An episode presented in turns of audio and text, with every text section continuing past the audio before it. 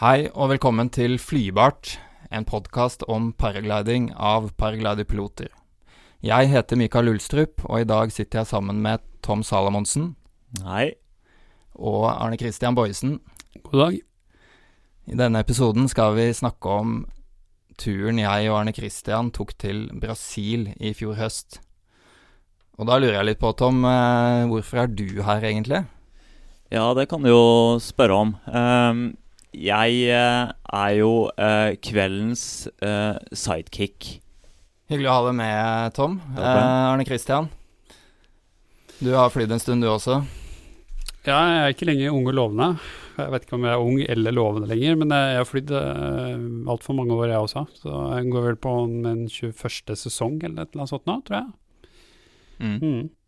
Ja, det er, det er jo fantastisk den Den reisen vi har uh, vært med på alle sammen. Jeg eh, ble jo kjent med dere etter ganske kort tid gjennom uh, flyvingen. Uh, Jeg begynte jo å fly i eh, 2002, og heldigvis da, så møtte jeg dere, eller heldigvis, det, det, det skjedde vel av helt natur, naturlige årsaker, siden vi fort alle sammen vel ble veldig interessert i denne distanseflyvingen. Og om vi møttes i Vågå eller om vi møttes på et eller annet forum på nett, det husker jeg ikke helt. Men eh, ja, uansett. Um, over til eh, dagens uh, tema. Arne Christian, du uh, har vært litt sånn primus uh, motor for dette Brasil-prosjektet. Jeg husker du begynte å prate om det for eh, det begynner å bli ganske mange år siden. Og du nevnte det første gangen, og så har det liksom eh, modnes,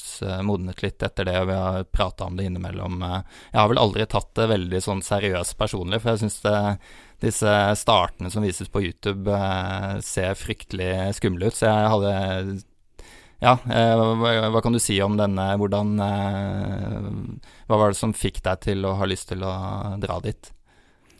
Nei, det er jo det å kunne dra til de stedene hvor, de, eh, hvor det virkelig er mulig å fly virkelig langt med paraglider. Det, det har på en måte vært drivkraften. Så Brasil hadde en sammenheng med det. At dette var, og det er det stedet i, i verden hvor teknisk mulig å fly lengst mulig med paraglider. Opp mot eh, over 550 km.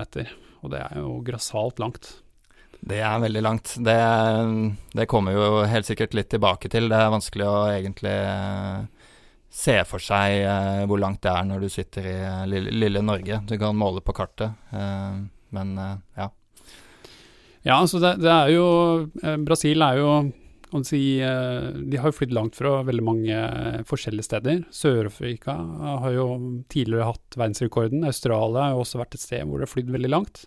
Men det har jo vist seg at det er eh, Brasil og Nordøst-Brasil, det som man kaller Sertao, som er det området som er best egna. Der er det jevne passatvinder eh, på vårparten, dvs. Si oktober, november, eh, desember, som skaper en jevn østavind som kommer inn over ganske flat, flatt landskap.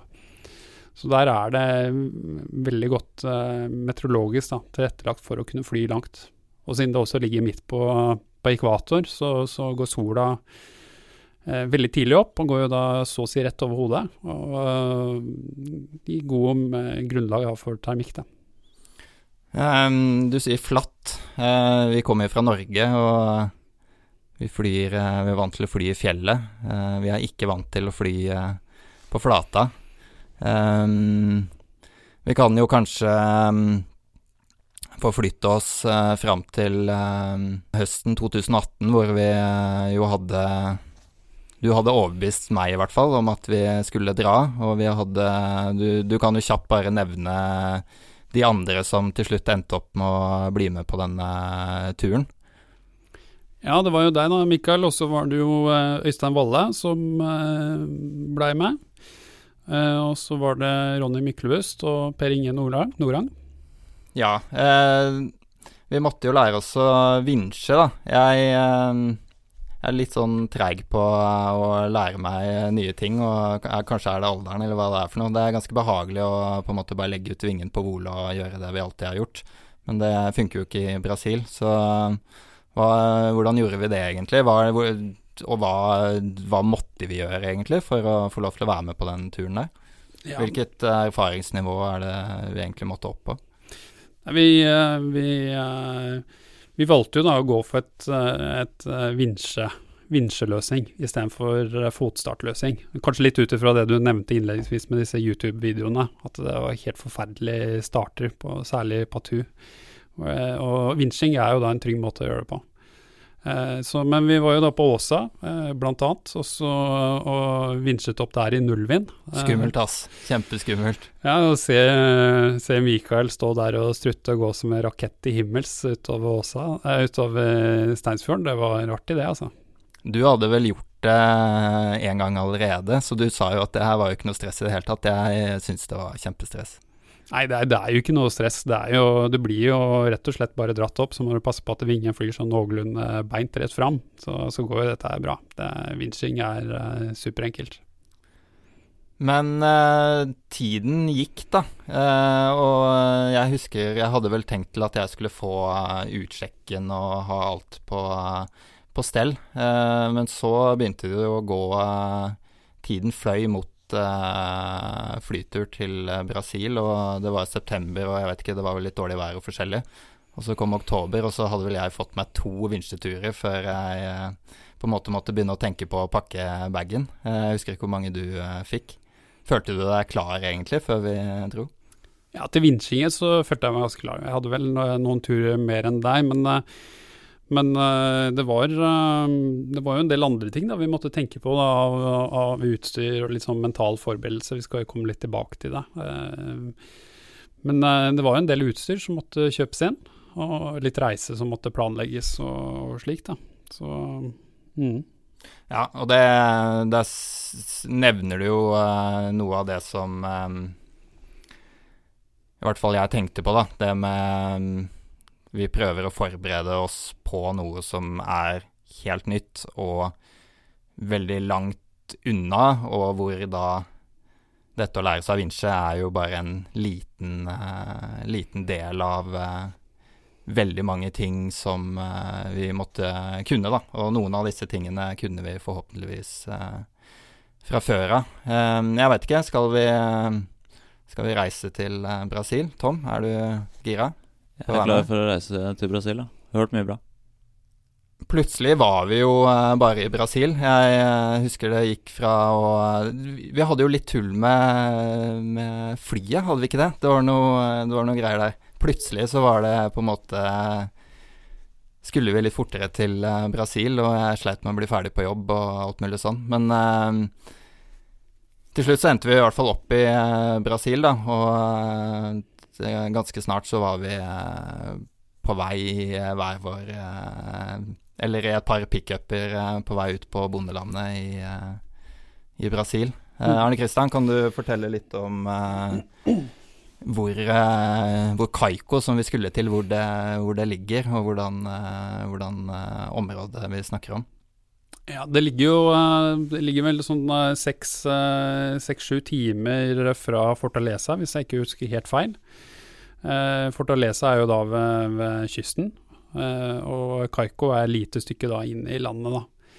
Og um, det er vel eh, ja, skal vi se, Det er jo rett sør for Asu, som er også et av de andre stedene hvor de har um, vinsjet en del. da. Så Asu og Kaiko har på en måte vært litt sånn to, to forskjellige potensialer. Eh, hvis du først skal dra dit, og så har du Tasima, da, som ligger enda lenger eh, østover, nesten helt ute ved kysten på østsiden, eh, sør for eh, Natal. da.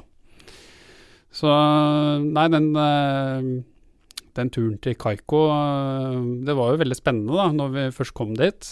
Eh, vi kom dit på kvelden, og så var det egentlig bare Eh, vi var jo allerede litt seint i brifingen, så det var egentlig bare ti minutter, og så var det i gang med brifingen, og så sto uh, Michael Gebert der og forklarte at tomorrow doesn't look that good, it's not that much wind, but the next day it's gonna blow a lot. Og så var det liksom muligheten for å fly 200-400 km til stedet. Så det var jo liksom Settingen var veldig brått endret, da. Fra Da er, sikkert, uh, da er det sikkert noen som lurer på hvem uh, Mikael Gebert er. Vi som har holdt på en stund, kjenner jo godt til han. Ja, han, er, han, er, jo Han har jo vært med på X-Alps en del ganger, og han er jo en av de da som jobber med Fly with Andy. Så han er en av primus motorene rundt dette opplegget da, der nede. For det Fordi nå er jo Nå er det jo rett og slett rett på sak. Eh, nå får jeg bare prate for meg selv, da, men eh, det var Jeg følte meg ikke veldig klar, egentlig, for jeg, jeg, tenkte litt sånn Jeg hadde lyst til å spørre er det liksom er første dagen, er det litt sånn eh, Litt sånn opplæringsdag, på en måte, hvor vi på en måte bare går igjennom det vi skal og sånn, og da jeg skjønte fort at nei, sånn er det ikke. Så det var på en måte den brifingen der, så fikk vi vi fikk, vi fikk, vel egentlig en grei gjennomgang på hva som skulle skje dagen etter, og så var det bare rett på første flydag. Ja, Husker du når frokost var? Når på morgenen det var? Var det ja. 05.45? Var det da det var, eller var det 04.45? Um, 04.45 ja. Må det jo ha vært. Fordi eh, Så var det, fem, var det halv seks da vi dro til uh, Stripa? Halv, halv, seks dro vi til Stripa. Ja. Um, ja.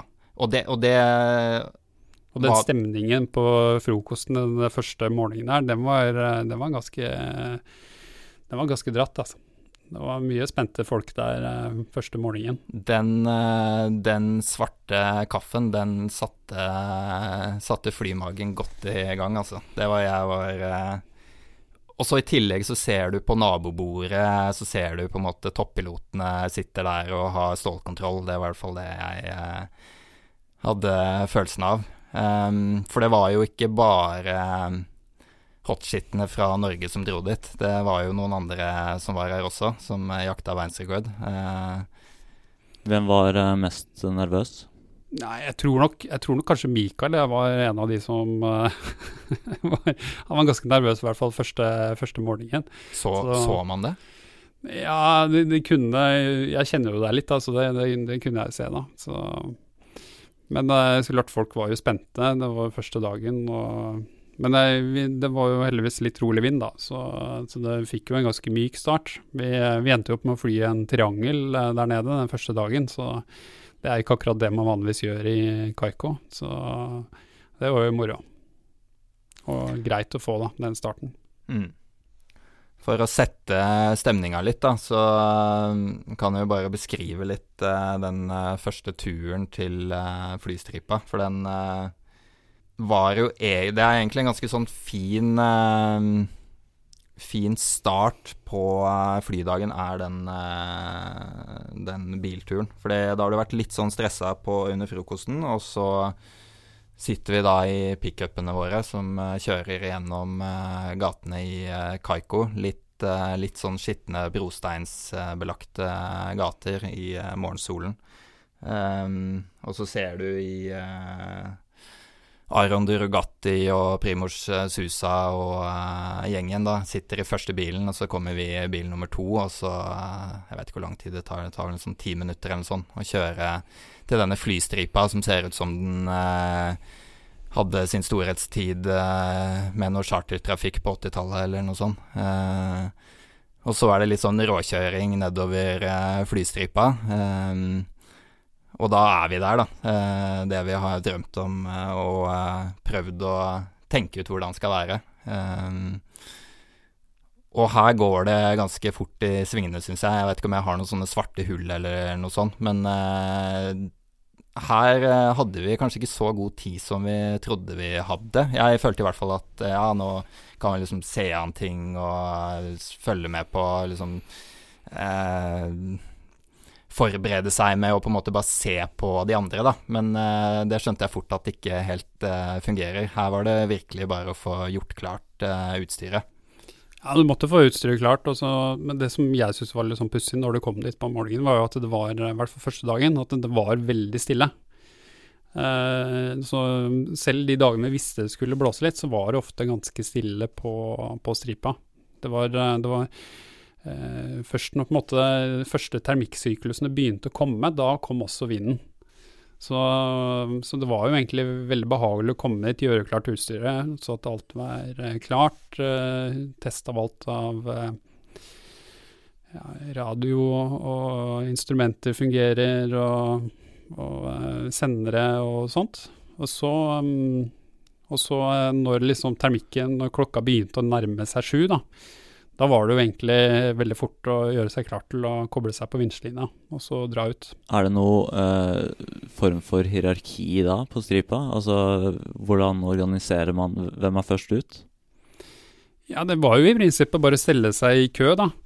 Også, men eh, eh, de dagene det blåste litt mer, så prøvde de å si det at eh, de som ikke er like gode til å starte, eller som ikke vil starte med Cobra-start f.eks., de må vente men det blei ikke helt sånn, da. Men, men likevel så hadde de såpass mange vinsjebiler klare at de kunne starte ganske mange parallelt. Uh, så, så, det gikk jo ganske raskt. Men i prinsippet så var det bare å stelle seg opp i kø. Mm. Så, men noen ville jo prøve seg litt tidligere, f.eks., og så kom de ikke opp. Så, så, uh, så kunne jo da kanskje klare å lande tilbake igjen på stripa og så prøve en runde til, da. Så kan du si litt om akkurat den vinsjebiten, da. Den, eh, den, er jo da sånn at du, som er det ikke så mye vind, så kan du jo baklengsstarte og snu deg rundt, og så blir du dratt opp av vinsjen. Og så, også når uh, sjåføren ser at eh, vingen går eh, riktig, liksom går ikke høyre eller venstre ut, så drar den på lina, da. Også, men så hvis du da ikke Hvis du da begynner å gå til den ene siden, sånn som Mikael gjorde den ene gangen, når når du hadde en knute på lina, tror jeg, eh, så begynte da vingen liksom å virkelig skeine litt sånn ut til sida. Og da slapp han bare hele tida opp line, så den var løs. Men når da mm. du fikk retta deg inn, og så, så begynte han å dra på draget i lina igjen, og så dro deg oppover, da. Så det føltes ja. veldig trygg måte å komme seg opp på. Ja, det For meg så var den uh,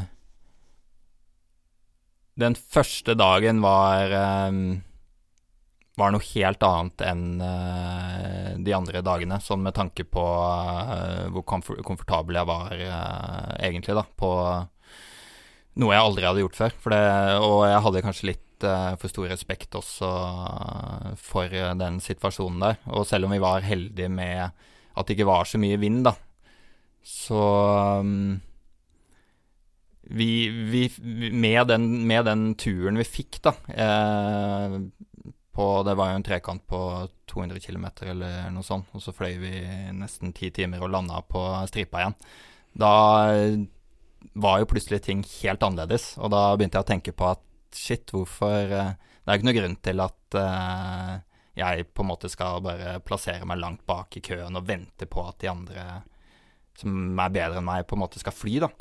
Så uh, så da ble det litt sånn annen stemning, og det merka man også på i, uh, i gjengen, da. Og så var det litt sånn kult um, um, For vi ble jo kalt hva var det, Team Norway eller et eller annet sånt, Team Advance og sånn etter den der trekantturen først, da. Så det var jo veldig sånn Det ble en veldig sånn kul uh, dynamikk uh, hvor vi på en måte lå litt sånn etter toppilotene, da. og fikk etter hvert ganske god selvtillit på, på flyvinga. Kanskje litt for mye, eller eh, jeg veit ikke. Det var, det var, noe med den Det der å time Time hvordan man fløy, da, og uh, Og vi lærte jo masse hele tiden. Jeg vet ikke, Kan du Arne Kristian, fortelle litt om uh, om hvordan vi grep an dagene, på en måte.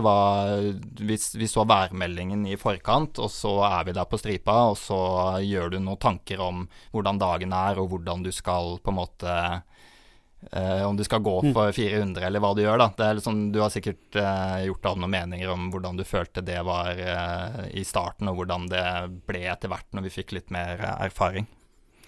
Det ene var jo sånn eh, når skulle man starte? Skulle du starte veldig, veldig tidlig, og så gønne på og uh, prøve? Og så bare legge deg på f.eks. på glid, eller som uh, vinsje opp i skybas, snu seg rundt og legge seg på glid. Og var det litt vind, så da hadde du, så si, da hadde du ikke tilgjengelig for å klare å komme deg tilbake når du eventuelt landa på stripa, da. Var det mindre vind, så var jo det en mulighet. Så um, det, vi endte jo opp med å starte egentlig ganske tidlig. Tidligere enn egentlig det vi hadde tenkt. Ja, vi fordi vi skulle jo safe med en halvtime eller sånn, var det ikke det vi hadde litt lyst til å gjøre? Men ja. så er jo problemet med det er jo at da blir det mer vind. Så vi fant vel ut at uh, det å starte tidlig var kanskje det smarteste, men uh, den halv, første halvtimen der, den er litt tricky. Den er veldig tricky, og da var det jo uh, hele, hele, poenget med de første timene, det er jo å prøve å holde seg, ja, holde seg hele tida så høyt som mulig. Skru For det er trikket litt alt. lenger enn en halvtime. Det er jo bare sånn det, det, er vel egentlig Hvor lenge var det Følte du deg safe noen gang? Sånn uh... jeg, tenker de to, to og en halv timer, de første to og en halv timene, de, det var ganske utfordrende. Så det, det var jo som, som mentalt da, så måtte du være veldig man måtte være veldig på'n den første, den første tida. Fordi hvor høyt over eh, terrenget var vi der? Flyplassen ligger vel på 100 meter eller noe sånt, gjør den det? Ja, det var noe rundt sånn, så vi kom oss, eh, og, men Skybas lå jo ofte rundt eh, 1000, da. Eh, noen ganger 950, og ikke noe særlig høyere enn det. Så mm, selv om lina var lengre, så kom vi jo ikke noe høyere enn det. Men de dagene blåste en del, så fikk vi jo maksa nesten ut lina. Og kom oss opp i uh, For det er jo lengden på stripa da, som på en måte var litt avgjørende for hvor langt vi kunne komme på de dagene det blåste litt mindre. For de som har flydd litt distanse, så er jo alt under 1000 meter over bakken er jo eh, Da begynner man å tenke at man begynner å få litt dårlig tid. Så å ligge flere timer i en sånn uh, lav høyde over bakken er jo åpenbart utfordrende. I tillegg da sannsynligvis med så mye vind, så gjør det ikke ting bedre akkurat. Nei, det er jo litt stressende. Det, det er det. Så, og det er jo det som gjør flyvingen der også litt sånn vanskelig. Fordi at det, det er greit nok på, midt på dagen sånn, så er skybass høy, og det er eh, lett å, ja, lett å holde seg oppe, da. Men så er det likevel du må klare å holde ut de to-tre første timene. Så øh, Men clouet var jo egentlig å klare å, å skru på alt. Følge veldig mye med på alle andre, og så klart, vi var veldig gode til å fly sammen. Det, det var veldig viktig.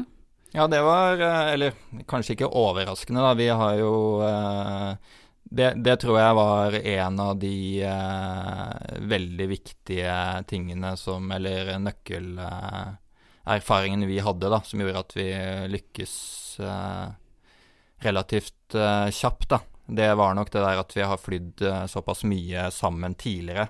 Eh, fordi her har man virkelig ikke eh, Her er det kun korte, enkle meldinger på radioen som, som gjelder. Her har man ikke tid til å diskutere noe særlig i starten, egentlig. Her er det overlevelse. Og, og i tillegg så hadde vi jo det nye momentet bare med utfordringer med flatlands og det med referansepunkter og sånn, pluss at sola jo også er litt annerledes å forholde seg til siden det er ved ekvator. Så jeg husker at jeg rett og slett uh, sleit noen ganger med når jeg kom ut av boblene.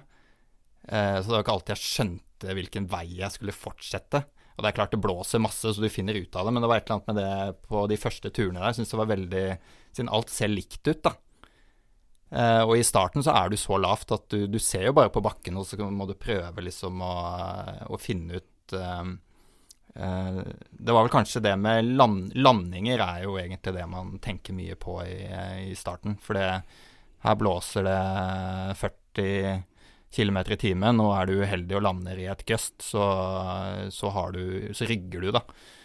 Så um, hvordan, hvordan syns du det fungerte? Fikk du liksom fort reisen på det der med å klare å velge de riktige linjene? For den første, første delen av turen så er det jo egentlig må man, man, må passe på å ha disse landingene, ellers er det for det er ikke Man kan ikke lande hvor som helst.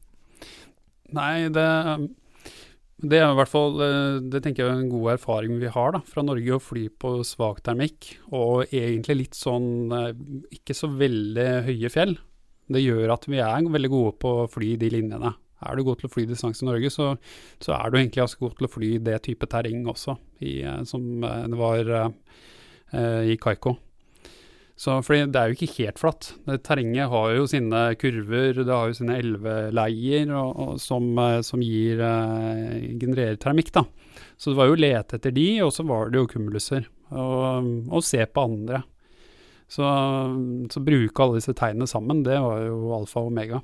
Så tror jeg også det er viktig å, å Eller tror jeg at uh, uh, å sammenligne Brasil og Norge, det er ikke nødvendigvis uh, så enkelt. Men i Norge så har vi også veldig mye kunnskap, er mitt inntrykk. Altså, vi vet kanskje hvorfor ting er som de er. Uh, og uh, når man da har uh, god erfaring med Eller noe erfaring med distanseflyving i Norge, men også er god på etterarbeidet og persepsjonsarbeidet og vet hvorfor ting er som de er, så, så kan du relatere det ganske enkelt til flyving i, i, på andre steder, tror jeg. Ja, det er riktig det også. For termikk er termikk der også. Så noe, Den skapes jo på samme måte, og det, det er jo som de, du må lete etter de samme tingene i terrenget. Uh, men jeg, jeg, tror nok det er en fordel det at uh, terrenget, i, særlig på Østlandet, da, er jo ikke sånn særlig bratte, høye fjell. Det er ikke alpeflyving. Så en pilot som er god til å fly i Alpene, er ikke nødvendigvis veldig god til å fly i Brasil, og vil nok også kunne bli litt skuffa. Ja, var det eksempler på det der nede, eller? Ja, det var jo det. Så skal ikke jeg nevne navn, men, men det var jo hotshots som ikke fikk det til. da. Så fordi de, de er vant til å fly i helt annet terreng. Så. Nå høres det jo ut som vi eh, fikk det til eh, hele tida. Det gjorde vi vel heller ikke. Men eh, det, det, var jo Det var jo egentlig litt ålreit å eh, se at disse toppilotene også er mennesker som oss, da. Eh, og som også lander eh, tidlig noen ganger. Så, men det, det, er klart, de, de, som er gode til å fly, de, de flyr de flyr bra i uh, disse forholdene her også. Men uh, det er vel kanskje enda mer et sånn uh, sjakkspill på en måte da, enn jeg i hvert fall er vant med tidligere. Det er, det er lite sånne Det er lite termiske rygger som du bare kan speede langs med, slik du gjør i Alpene, da. Du må tiden, du må hele tiden ha en plan om det neste du skal, skal gjøre. Det jeg etter hvert fant ut var en sånn viktig ting for meg selv, da. For uh, å klare å uh, rett og slett ikke bli uh, mentalt ødelagt for tidlig, da. Var det der å prøve å skape seg sånne Være litt i sin egen boble på et eller annet vis, da. jeg følte jeg klarte det etter de første timene hvor skybasen hever seg opp mot 1500 meter, og du kunne begynne å tenke mer på du var ikke hele tiden så opptatt av hva som var på bakken, da, og du fikk litt mer tid til å eh, slappe av litt, da, enten det var i en eh, veldig god boble du visste gikk til skybas, eller du hadde bestemt deg for eh, eh neste skia du sikta på, og så lå du der på, på speed og kanskje lukka litt øya eller et eller annet for å Det var i hvert fall sånn jeg gjorde, da, for det det, det, er fryktelig mange timer å fly eh, og fordi ti timer å være 100 konsentrert hele tiden er veldig, veldig slitsomt, da. Ja, det er jo det. Men det, det er jo mulig å trene seg opp til, til det. Uh, og vi hadde jo kan si, min lengste tur uh, i tid da, før jeg hadde dratt ned dit, var jo på sju og en halv time, sånn cirka. Så um, det, det, er jo egentlig det samme, du, men du har måte du har tre faser. Du har den tidlige delen, og så har du hoveddelen, og så har du sluttdelen. Og så ønsker vi jo å komme til sluttdelen. Og for det så må vi gjennom eh, den tidlige delen først. Og det er det som er den vanskeligste biten. Da. Så, så når vi kom over eh, Når vi på en måte passerte ofte de første syv milene, det var ofte den lakmustesten. Det var et par timers flyving ca., ja. var det ikke det? Ja. Da vi, passerte vi Patu ofte. Eh, som er også et sted hvor de starter da, med, til, til fots, og de, de vinsjer også foran fjellet. Uh, når vi passerte det, så, så syns jeg ofte dagen uh, Da var ofte skybass litt høyere, og at vi var litt mer i gang.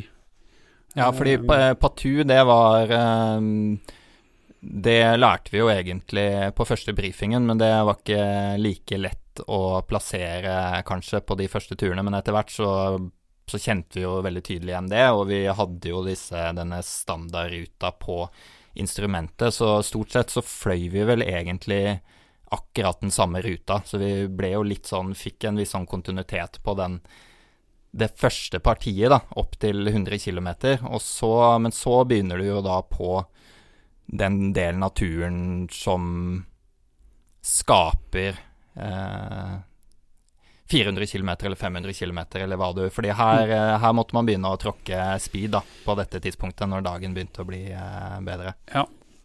det å fly 400 km kan man jo si eh, mange ting om. Det ene er på en måte det matematiske. At du trenger Hvis du har ti timer tilgjengelig for å fly, så trenger du 40 km i timen i snitt.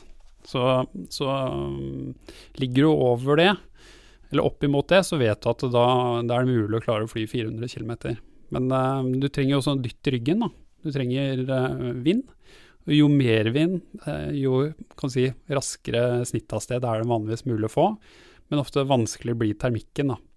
Og En annen side er jo at det blåser ofte mer på bakken. Jeg husker jo den dagen hvor vi, vi vinsja Mikael, hvor uh, vi jeg tror vi Jeg kom over 100 km i timen eh, med litt grann tråkk på speedbaren. Det var, det var drøy, drøy, start, altså. Ja, det her eh, var vi Det var noen dager etter noen dager, da. Og vi var heldigvis litt eh, varmere i trøya. Og vi eh, visste at det her var eh, en dag med masse vind, og vi visste at det var, hadde potensial til å gå langt. og her, eh, det her var jo kanskje rekorddagen. Det var jo her verdensrekorden skulle ryke, og vi starta tidlig, og det funka kjempebra. Og det gikk rett i værs. Jeg tror jeg endte opp å løse ut uh, lina, og da hadde jeg gått bak starten, altså rygga i hele vinsjinga. Uh, og så den hastigheten. Det er jo helt Å se 100 km på instrumentet, det er jo litt sånn skummelt. Men, uh, men den sier, dagen eh, Du sier uh, verdensrekorden skulle ryke den dagen her. Var det, var det, noe dere to hadde tenkt på, eller den norske gruppa, eller var det dette de proene fra, fra alpelanda og, og, Brasil og sånn snakka om? Godt poeng, Tom. Uh, Nei, Det var jo de personlige rekordene da, som for, for vår del. Vi, jeg, jeg fløy jo en C-vinge der nede, så, men, uh, men for Primos Sjusa og, uh, og uh, Durgati så var jo det målsetning den dagen. Så, men utfordringen med mye vind, da, og det er jo som vi kjenner i Norge òg, at termikken blir jo ofte ikke like god. Det, den genereres ikke like godt fra bakken, og det, det var litt problemet den dagen her. Så det, egentlig så, for oss ble det jo bare et langt eh, glistrekke. Det var én som kom seg opp, og han fløy uh, et godt stykke, men han sleit etter hvert også med å klare å holde seg oppe. Så um, det er jo det som er litt sånn utfordringen med, med de vinddagene. At uh, du vil ha mye, men du vil ikke ha for mye heller. Så, men bare uh, lengstemann den dagen her, husker dere hvor langt han fløy? Det var vel noe av 200, tror jeg, fra, fra Kaiko. Men fra SU så ble du flydd eh, verdensrekord i deklarert mål, tror jeg, den dagen. Mm. Ja, stemmer. Det er, det er, så Det bare viser hvor uh, små marginer uh, det er snakk om her, da. Det, jeg tror vel kanskje jeg fikk en uh, liten aha-opplevelse på det der med at det er virkelig ikke bare å dra til Brasil og få de perfekte forholdene for å fly langt. fordi min største bekymring var egentlig mine egne flykunnskaper der nede. Så tenkte jeg bare at her er jo forholdene superbra hver eneste dag. Og det var det jo ikke. Så det gjorde vel også at vi ble litt mer sånn um, I starten så tenkte vi at vi bare skulle plukke de beste dagene, og så fly superlangt på de, og så hadde vi liksom treningsdager på de uh, mindre perfekte dagene. Men etter hvert så skjønte vi jo at uh, her må vi jo faktisk rett og slett bare utnytte de dagene vi har. Og så fant vi vel fort ut at kanskje den beste strategien også for å fly disse 400 km eller 500 eller sette personlig rekord i eh, drømmene man hadde eh, før man dro dit, da. At det rett og slett handla om eh, den gode, gammeldagse eh, filosofien rundt å bare holde seg i lufta og ikke lande, og ikke tenke for mye på hva som skjer, eh, hvordan ser langtidsvarselet ut, alle disse tingene som jeg har driti meg ut på før i Norge. Så. Ja, for det var, det var, en del dager som var enten blå og vindfulle til å begynne med, eller, eller, og noen hadde bare skygge, total skygge nesten. Eh, så det var ikke alltid like lett å se eh, første timen om dette ville gå veldig veldig langt eller ikke. Nei, og værmeldingene var vel Vindmeldingene der nede var veldig gode. Uh, så vidt jeg husker, så var det Vi hadde veldig god kontroll på vinden. Og det er jo også vinden som er det store utgangspunktet for uh, hvilket potensial man tenker dagen har. da, fordi det handler jo mye om at du må ha denne vinden. Men det vi opplevde, var rett og slett at termikken var var veldig forskjellig fra dag til dag, og værvarslene var ikke like gode på det. Og dette her handla vel kanskje litt om dette spesielle med at vi flyr på Det, det er noe med termikken i Brasil og denne eh, sjøluften og fuktigheten i den luften som kommer fra havet, som er med på å gjøre at vi kan starte så tidlig. da som også var med på var, Jeg tror det var et eller annet med denne Du måtte ha liksom denne perfekte luftpakka. da for at du da skulle gå fra det. For det var ofte tidlig skyutvikling. Eh, så vi da fløy fra sky til sky i 1000 meter, og det var ikke noe problem. Og så kom du i en sånn mellomfase hvor skyene forsvinner, og hvor de da dukker opp igjen kanskje i 1500 meters høyde, og du får litt mer, og du får den eh, hoved, eh, hoveddelen av dagen, da. Som da holdt på i, eh, i noen timer eh, hvor det, hvor det, er liksom kraftig fin termikk, og hvor skybasen egentlig bare øker og øker og øker. Og øker. Og, de, og, de, og det, var, det, var, bare et par dager dette skybildet var virkelig bra, da, som gjorde at flyvinga eh, var relativt grei. da. Var det noen av gutta eller på brifinger eller noe sånt som, som snakka mye om dette her? Som nevnte vindskjær? eh, vertikal vindskjær, horisontal vindskjær eller styrke på bakken, og prøvde å eh, kvantifisere dette her bedre, sånn at man virkelig kunne se om de skikkelig gode dagene kom, eller, eller var det egentlig bare å vinsje seg opp og så se? Nei, vi, vi, hadde beregninger på det, og vi fokuserte veldig mye på det.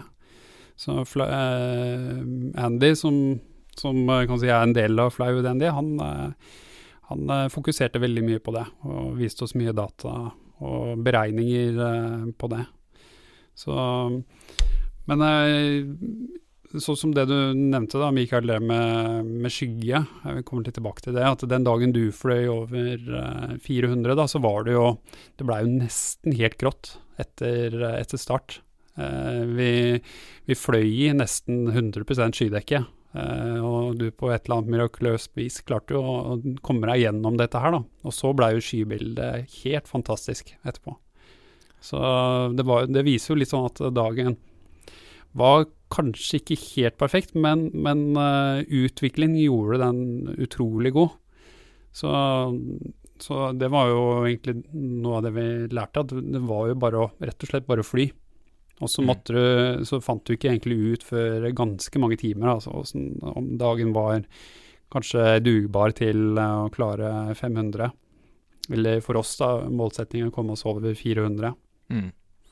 Ja, kanskje vi skal uh, komme oss uh, litt videre på uh, Det er jo litt sånn når man snakker om disse turene og snakker om det å være i Brasil, så, så er det ikke det er, det, er veldig, det er, veldig, mye teknisk, og det er mye planlegging, og den første biten som vi har prata om, er fryktelig vanskelig.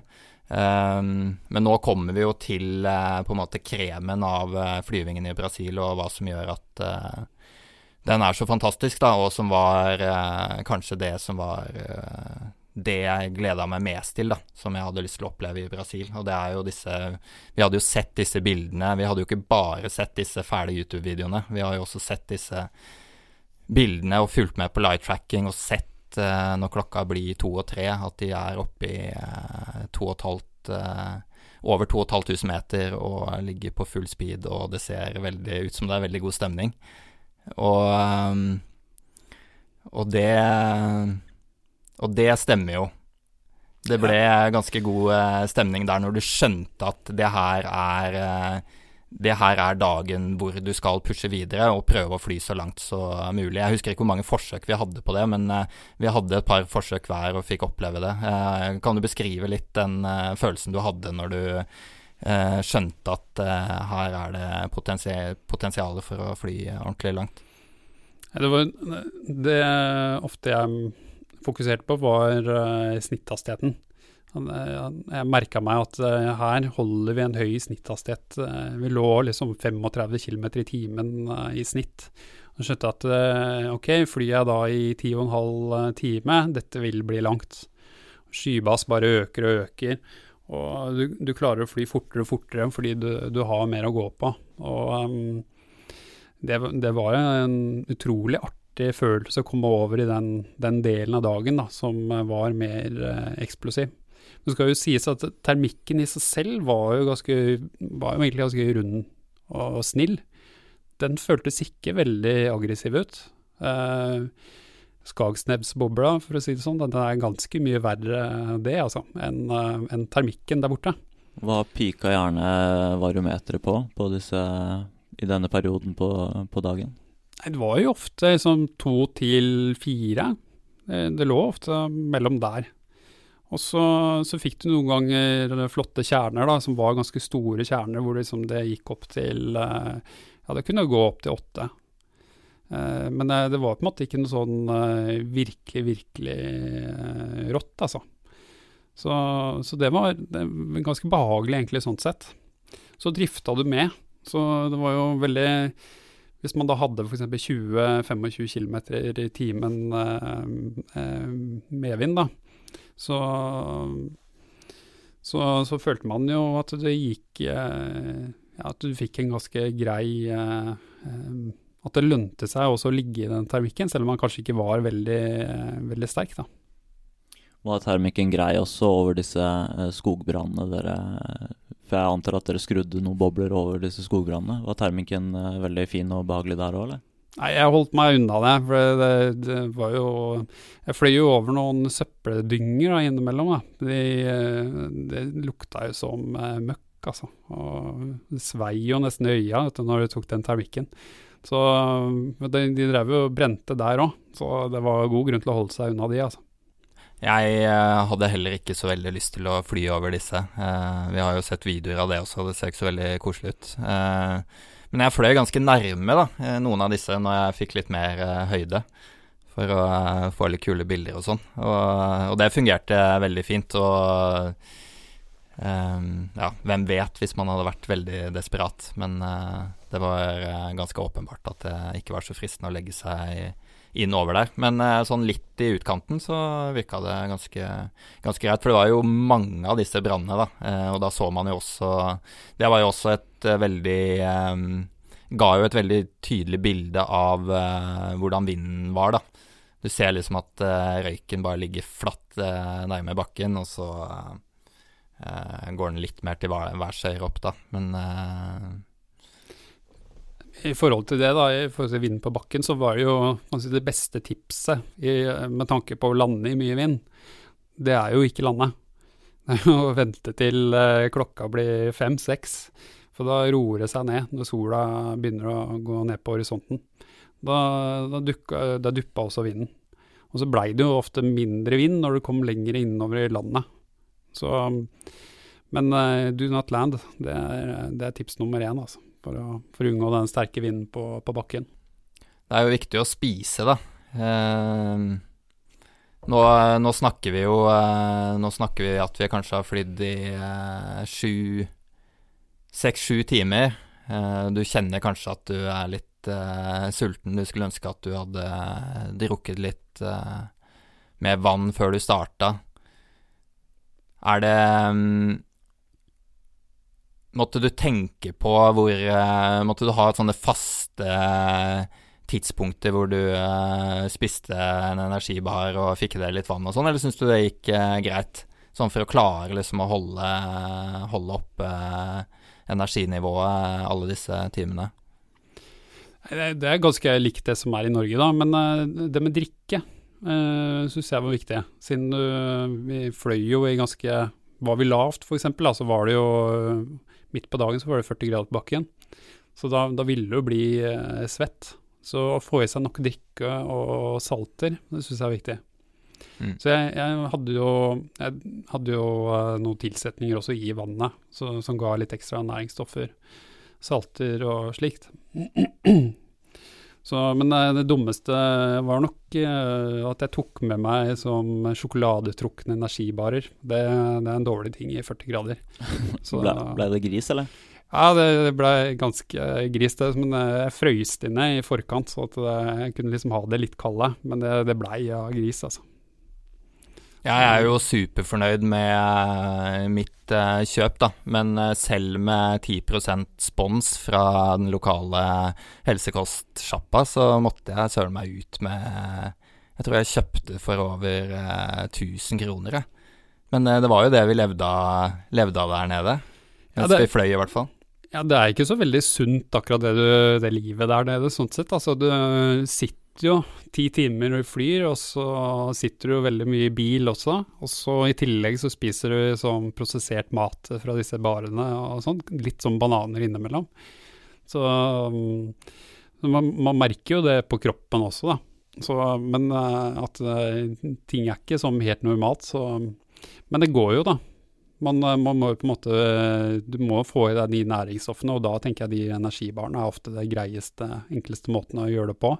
Mm. Så du vil jo ikke slippe styrlinje for mye heller. Så du kan liksom Ronny hadde jo sitt opplegg, da, det kan vi jo si. Han hadde jo uh, han var jo sponsa kanskje av Real Turmat. Ja, han, må ha vært sponsa.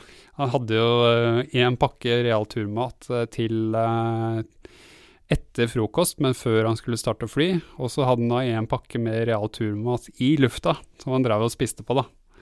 Wow. Så det var, det var pro. Det ja, si, veldig, altså. veldig imponerende. Eh, Ronny har jo vært i Brasil før, så det Han hadde kontroll på uh, sakene. Men eh, apropos mat, og nå er det jo Det er jo så mange ting man eh, tenker på, da. Nå er det noen måneder siden vi har eh, vært der. Eh, så vi, vi, vi, Det er vel de de sterke minnene sitter jo fortsatt igjen, og nå for å fortsette på uh, de uh, beste opplevelsene vi hadde med flyvingen, og kanskje uh, fortelle litt mer om hva som skjedde, skjedde, mens vi var på bakken. Så vi var jo dessverre ikke i lufta samtidig på slutten av en lang, skikkelig lang tur. Fordi vi eh, hadde jo full klaff på hver vår eh, dag. Men eh, vi endte vel opp med å ha litt av de samme opplevelsene, tror jeg. Så jeg kan jo bare begynne litt å kanskje fortelle om eh, slutten av den lengste turen eh, jeg hadde. For det Den dagen, eh, hele den dagen inneholder jo på en måte egentlig alt som var fantastisk med Brasil-turen, og som egentlig inneholder da Eller den dagen og dagen etter, da, fordi vi måtte komme hjem igjen også, eh, som tok litt tid, inneholder jo egentlig eh, alt som eh, Brasil hadde å by på, da. Hvor langt fløy du denne dagen? Um, ja, nå, nå, ligger jeg jo um, Klokka Det er et par timer igjen av dagen. Jeg ligger uh, på 2500 meter og begynner vel å innse at uh, 400 km-grensa er innen uh, rekkevidde. Um, og det var jo mitt personlige mål uh, før jeg kom dit, var jo 400 km. Og det er bare helt Himmelen begynner å bli helt magisk da, når sola går ned. Den, sola går veldig fort ned, så, så, på en måte så føler du litt at du begynner å få dårlig tid. da. Og så begynner det å regne, på, så begynner det å regne litt da, på eh, liksom, gjennomsnittshastigheten din og eh, hvor mye du kan klare å fly, da, for å se om du liksom klarer den grensa. Så innså jeg fort at eh, 400 kom til å gå greit, da, og så handler det om liksom bare å, å makse, da. Men eh, da er det jo en del ting som man må begynne å tenke på, da. Fordi da er det jo Én um, ting er jo å bare klare å fly så langt som mulig, men sola går fryktelig fort ned, så du må time, time landingstidspunktet, da, sånn at det ikke blir for seint, f.eks. For, eksempel. uh, for termikken fungerer superbra, da. Hvis du er heldig på slutten, så kan du treffe på termikk som får deg til 3000 meter, og så lander du etter det er mørkt, da. Eh, og så må du også kanskje begynne å tenke på at du skal lande i nærheten av en hovedvei, da, sånn at disse hentebilsjåførene som skal komme og hente oss, da, eh, som følger oss hele veien, da, fordi vi flyr jo med live-trackere. Så Michael Gebert eh, sitter da i headquarters i eh, Kaiko og følger oss, og da dirigerer alle disse hentebilene som eh, da følger etter alle pilotene. Og um, jeg har eh, egentlig en veldig fin linje på slutten der og flyr over helt magisk eh, landskap i eh, kveldssola. Og følger egentlig bare veiene på GPS-en. For jeg har ikke peiling på hva som er under meg. Bortsett fra at jeg ser hovedveiene på uh, instrumentet, da. Og da var klokka sånn cirka, for vi skulle, tidspunktet for uh, vi måtte lande, det er jo for når sola går ned. Ti på, ti på seks eller noe sånt. Rundt der tror jeg var sånn absolutt siste landing. Jeg tror klokka nå liksom ligger rundt klokka fem, og jeg sikter meg inn på final glide. Og du har jo type ganske lang final glide, da. Og det visste vi om på forhånd, da. At det handla liksom om å treffe det toppunktet, og så ville du ha en ganske lang final, glide. Og jeg tror det var rundt klokka fem da jeg begynte på det. Og så ser jeg at jeg mer sannsynlig kommer i nærheten av den veien, og så, ja. Og det som var litt interessant da, da, når du var da på det final gliden, så satt jo jeg og kanskje ganske mange andre eh, nordmenn på internett og fulgte da med på Mikael da, på denne live-trackingen og så at yes, nå, nå, klarer Mikael det, nå skjønner vi det, det går. For da så vi høyden din, og så liksom hvor høyt det var, og så, så tiden på dagen. Ja, det, det, var jeg ikke bevisst på i det hele tatt. Jeg lurer på Der var jeg litt i en slags eh, rus, eh, tror jeg. Det var veldig mye som gikk gjennom kroppen på den eh, på den final gliden der. Og veldig, veldig sterk, sterk opplevelse. Og det er vel akkurat det der som gjør at Hvis jeg kommer til å dra tilbake, så må det være akkurat den følelsen der, altså. Det er en sånn blanding av utrolig mye slit, da, egentlig. Det er mye, mye hard jobbing, og så kommer du der, og så får du det er det samme som i Norge, ikke sant. Det er eh, Når du er på rett plass på slutten av dagen, da, så er på en måte alt bare Plutselig blir alt lett. Um, ja. Og så, land, og så lander du Lander du i solnedgangen, da, og er et sted du aldri har vært før, og ja. Så um, Og så er det bare å komme, komme seg hjem, da, så håpe på at uh, håper på at uh, du ikke har landa altfor eh, langt unna en eh, OK vei, da, sånn at du kan bli plukka opp. Man lander jo ofte da Det er jo alltid en eller annen brasilianer rundt omkring da, der du lander. Så, så, ofte så treffer man jo på folk, og de er jo veldig nysgjerrige. Det er ikke så veldig mange av disse som har sett kanskje en paraglade før. Så da, da, får man jo møte da disse lokalmenneskene. Kan du si litt om inntrykket ditt inntrykket ditt av de når du landa? Liksom, hva, hva, gjorde de? Ja, det, det, kan man jo fortelle. Man, det er jo så mange historier jeg kunne ha fortalt. Eh, men sånn for ikke å gjøre det for langt, da, så bare sånn generelt så har, er jo brasilianerne, i hvert fall i det området vi var i, da, er jo utrolig eh, gjestfrie. og uten et eneste unntak så var det vel slik at vi eh, Rett etter du eh, landa, så kommer det folk bort til deg. Og da enten så er det, har du landa rett ved siden av en gård eller et eller annet sånt, eller så er det kanskje folk som har sett deg på himmelen, og så har de fulgt etter deg på uh, scooteren. Og så kommer de rett etter du har landa, og så kommer de bort og sier hei og gir deg vann og alt mulig sånn. Det er selvfølgelig en litt utfordring med, med, språket, da. Men uh, der klarer man seg jo selvfølgelig fint med, med tegnspråk og sånn. Og så, og så, ble man jo invitert inn på, til det nærmeste huset på middag og på, på besøk til resten av familien og, og, sånn. Og det skjedde Jeg tror det skjedde på alle turene mine, bortsett fra én eller noe sånt. Uh, og der har vel du sikkert uh, den samme opplevelsen, tenker jeg. Og mange gode minner fra alle de menneskene du møtte ja, det, det, er jo mennesker som ofte ikke har så veldig mye, da. Så de tilbyr seg det de, de har. Så det er, det er, jo en helt utrolig gjestfrihet. Jeg mm. landa jo i uh, inngjerding til geitene til en bonde en gang. Og så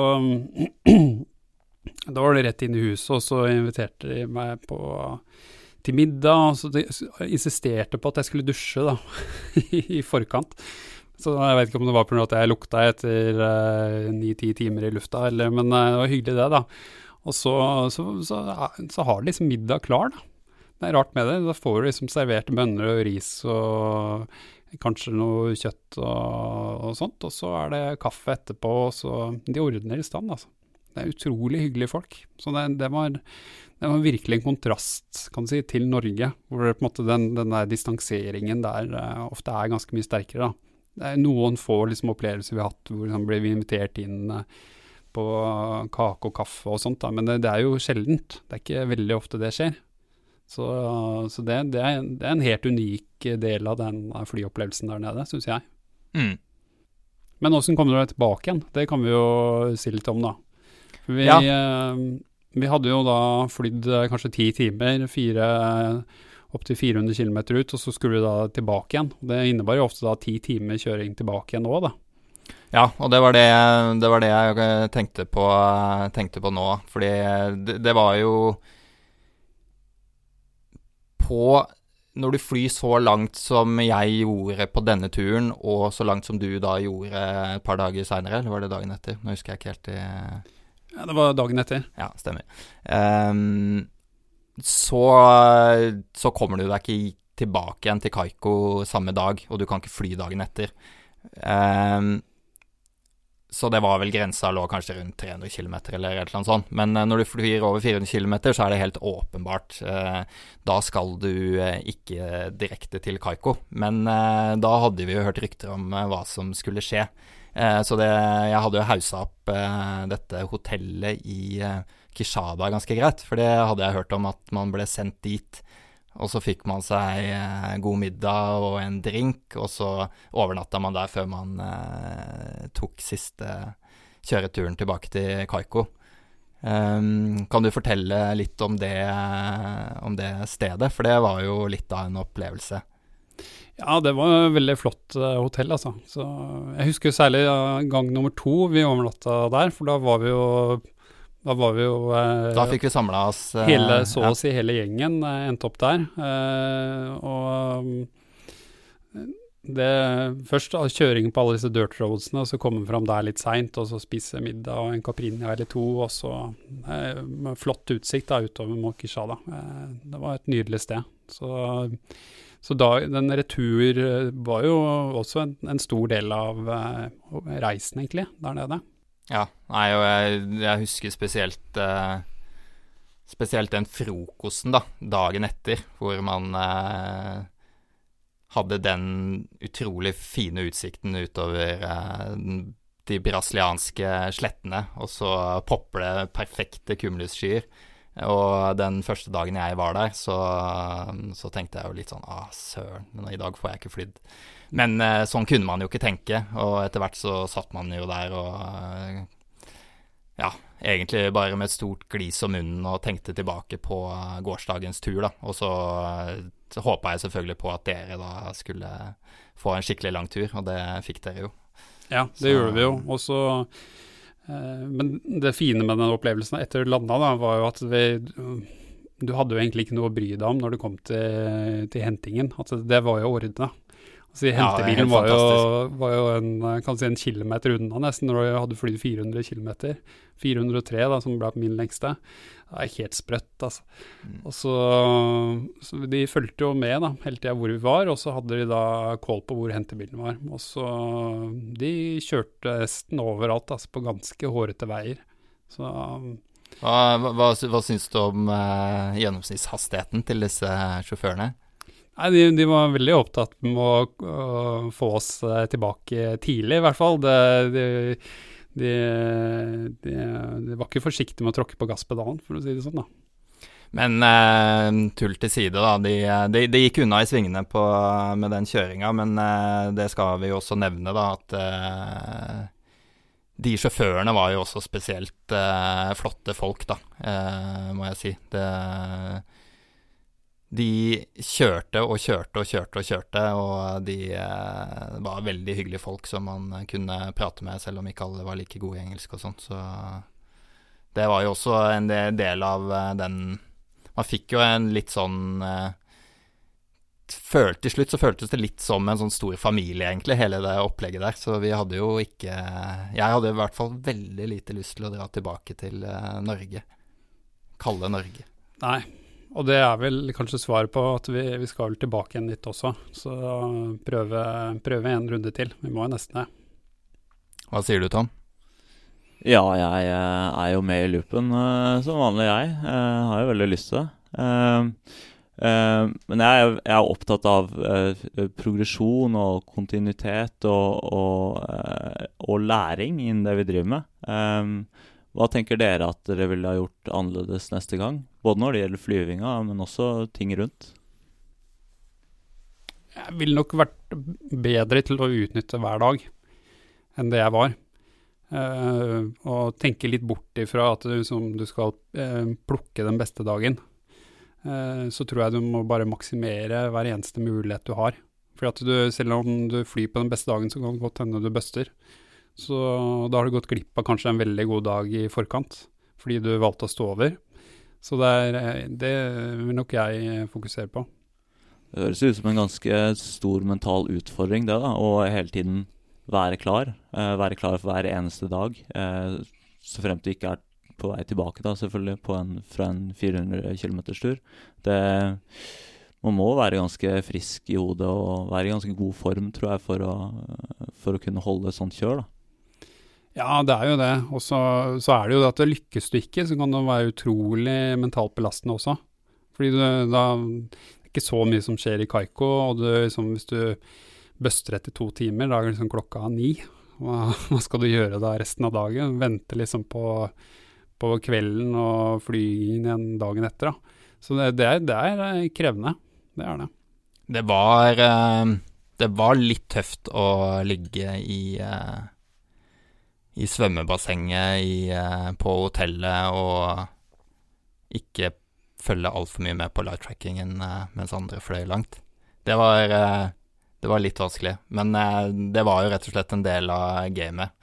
Eh, og som du sier, da, det der med å utnytte Utnytte hver eh, dag for seg og gå all in på det. Det er det også jeg eh, sitter igjen med, og som også jeg tror er superviktig for å få en god opplevelse. Fordi eh, det er det du nevner, Tom, med det mentale i det. det jeg tror jeg klarte å kjenne litt på det underveis der. At, uh, og da kan gleden forsvinne litt også, og det er egentlig litt unødvendig. Uh, og jeg tror det er veldig viktig for å få den der For at du skal, at du skal klare disse litt hårete målene som alle har når de drar ned dit, da, så tror jeg det er en viktig, uh, viktig den siste ingrediensen, kanskje, for å klare det.